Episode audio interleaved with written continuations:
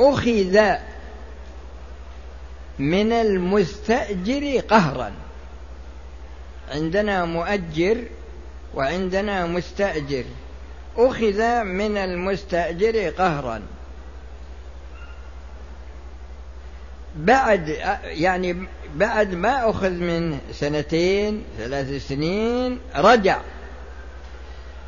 رجع المال إلى المالك. الأول يعني الذي أخذ العين هذه أخذها قهرا وهي مؤجرة يعني تاب وأعادها إلى صاحبها. القاعدة هذه موضوعة هل يرجع؟ هل عقد الإجارة ماضي ولا انقطع بأخذها قهرا؟ هل هل عقد الإجارة باقي؟ وعلى إذا قلنا إنه باقي فإن المؤجر ماذا يفعل عندما رجعت العين إليه؟ عندما ماذا يفعل؟ ها؟ تمام هذا هذا المقصود. لكن عندما نقول انقطع العقد نقول إنه لا يعيدها. نقول إنه لا يعيدها. وهكذا هذا نوع. النوع الثاني النوع الثاني ما الأول ما يتعلق الحكم فيه بملك واحد. فإذا زال الملك سقط الحكم يعني ما يعيده إلى وش اسمه ما يعيده إلى إلى المستأجر. القسم الثاني أو النوع الثاني ما يتعلق الحكم فيه بنفس العين. من حيث هي تعلقا لازما لا يختص تعلقه بملك دون ملك. إنسان رهن عين. رهن عين. وجت قوة قاهرة وأخذت هذه العين وبعد مثلا سنة سنتين أعادت العين إلى المالك الأصلي. هل نقول إن الرهن يعود كما كان لأنه متعلق بالعين؟ أو نقول إن الرهن التغى كالصورة الأولى؟ ها؟ ها؟ إيه نقول إن الرهن يعود كما كان. يعود كما كان. هذا هو الفرق بين المسألتين بين النوعين. ففروع النوع الأول ما يرجع. وفروع النوع الثاني هذه يرجع كأنه لم يحصل يعني تغير في يعني على هذه العين. القاعدة التي بعدها هي القاعدة الحادية والأربعون. إذا تعلق بعين حق تعلقا لازما فأتلفها من يلزمه الضمان فهل يعود الحق إلى البدل المأخوذ؟ من غير عقد آخر فيه خلاف. إذا تعلق بعين حق تعلقا لازما فأتلفها من يلزمه الضمان فهل يعود الحق إلى البدل المأخوذ من غير عقد آخر فيه خلاف؟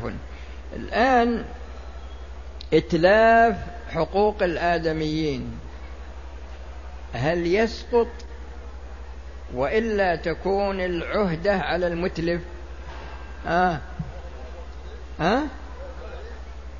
أقول هل الإتلاف في حقوق الآدميين إذا أتلف حق آدمي ليس له حق المطالبة ليس له حق مطالبة من أتلفه أو له حق مطالبته. يعني آه، إنسان يعني جاء شب حريق في عمارة مثلا وحصل تلف. مثل ما يحصل الآن من الإتلافات ومن ال... هل نقول إن حق الآدمي يسقط أو نقول إن المتلف عليه الضمان؟ أه؟ إيه؟ نقول ما في إشكال هذا. فحقوق الآدميين محترمة. وبناء على ذلك فعليه الضمان. فإذا فرضنا أن هذه العمارة رهن في مليون وحصل فيه تلف حصل فيه تلف وصارت العمارة غير صالحة للتأجير لكن حصل تعويض مثلا مليونين. مثلا. فهل نقول إن هذا إن هذا العوض يكون رهنا بدل الأصل؟ وإلا نقول التغى الرهن بالتغاء الأصل. ها؟ نكون نعم هو هذا. فهذا البدل يكون رهنا بدلا عن ماذا؟ عن الأصل. فهذه القاعدة هي موضوعة لهذا النوع من الفروع والحمد لله رب العالمين وصلى الله وسلم على نبينا محمد وعلى آله وأصحابه أجمعين. لأن القاعدة التي بعدها يعني واسعة جدا وإذا كان في أحد عنده السؤال أعطونا الأسئلة. هل يشترط لطواف النافلة ركعتي الطواف؟ ركعتا الطواف سنة بعد بعد كل طواف.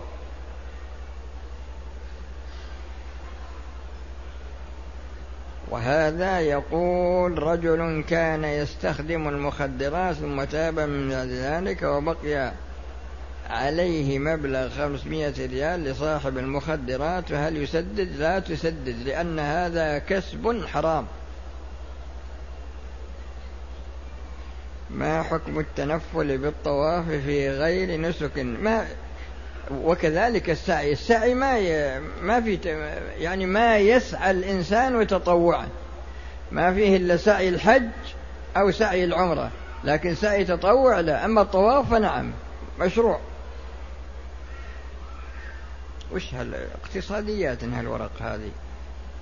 وهذا يقول هل يجب إمرار الموسى على الرأس الأصلع؟ هذا أمر اجتهادي لكن من قواعد الشريعة أنه لا واجب مع عجز لأنك إذا أمررت الموس يعني في ظاهرة الانقياد لكن قاعدة الشريعة لا واجب مع عجز وهذا يسأل عن حكم الأناشيد والله يا أخي ما أعرفها أنا.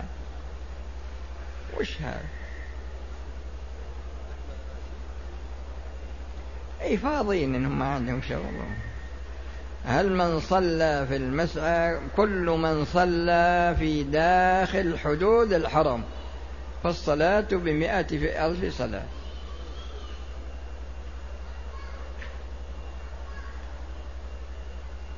ويسأل عن تقبيل الحجر الأسود. هذا سنة. عمر رضي الله عنه يقول والله إني لأعلم أنك حجر لا تضر ولا تنفع. ولولا أني رأيت رسول الله صلى الله عليه وسلم يقبلك ما قبلتك فتقبيله طاعة لله جل وعلا.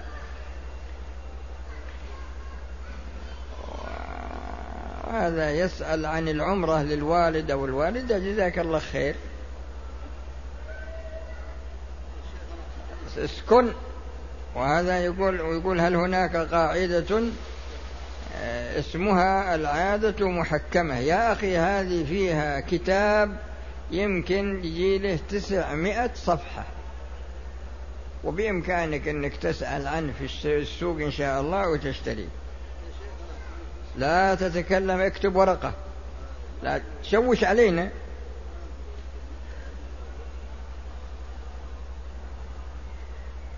وهذا يقول هل يجوز الجمع بين صيام يوم الاثنين والخميس وبين صيام داود عليه؟ أفضل الصيام صيام داود وإذا جمعت بينهما فخير. أي هذا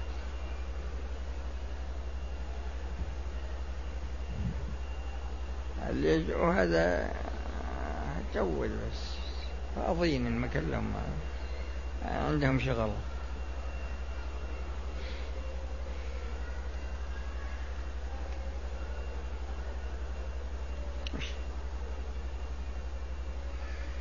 والله ما أعرف القراءة هذه.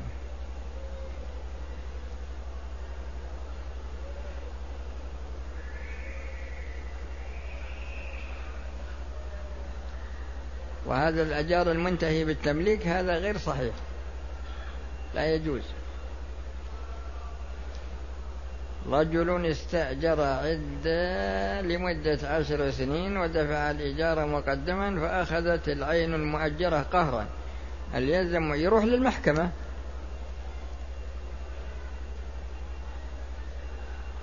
رجل إيش؟ أجر عمارة لمدة كذا مقدار الإيجار عشر سنين وانتقل المال. هذه كلها يروحون للمحكمة. لأن لازم بيصير فيها نزاع. كيف يتدرج الإنسان بعلم القواعد الفقهية؟ يبدأ من الأصل من من القواعد السهلة.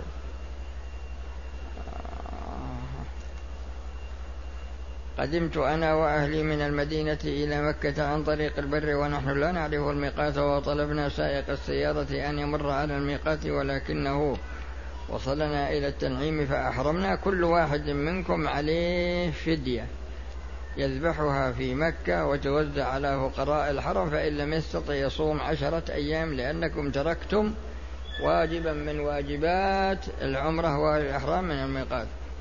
يقول الرسول صلى الله عليه وسلم إنما الأعمال بالنيات الحديث وأنا أشاهد بعض الناس يتسنن يوم الجمعة قبل الصلاة عشر تسليمات فأكثر فماذا نسمي كل سنة؟ يا أخي باب التطوع واسع.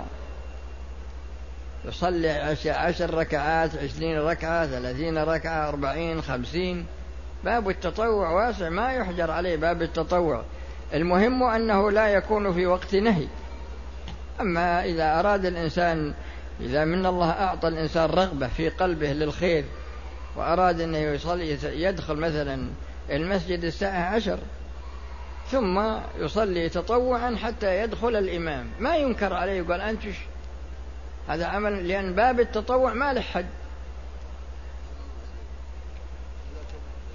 ولهذا ينقل عن بعض السلف أنه كان يصلي كل يوم ألف ركعة تطوعا.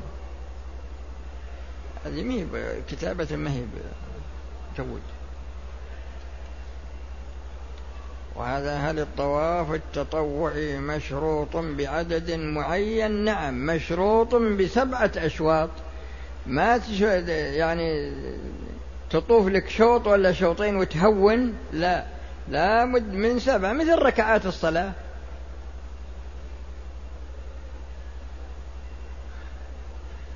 وهذا يقول ما حكم الإيجار مع الوعد بالتمليك؟ كما ذكر ذكرنا سابقا. آه. ما هو الفرق بين أصول الفقه والقواعد الفقهية؟ وهل هناك نظم تنصحون الحفظ فيه في هذه ما أدري وش هالكلمة أيضا. يا أخي من من الفروق بين أصول الفقه وقواعد الفقه. إن أصول الفقه يستخدم في للاستنباط من أدلة التشريع والقواعد الفقهية هي عبارة عن الضو... عن ال... آه، يعني آه،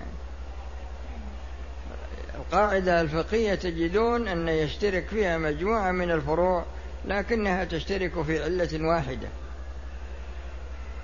يعني هي قواعد للمستنبط وأصول الفقه وسيلة للاستنباط. والنظم اللي فيه نظم يسمى مراق السعود وفيه نظم آخر اللي هو نظم جمع الجوامع يجي له خمسة آلاف بيت.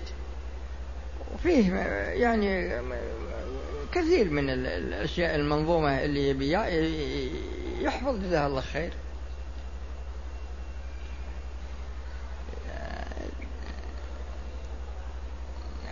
بس جود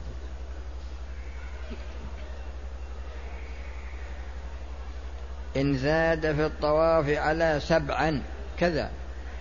إن زاد في الطواف على سبعا هل يجوز ذلك؟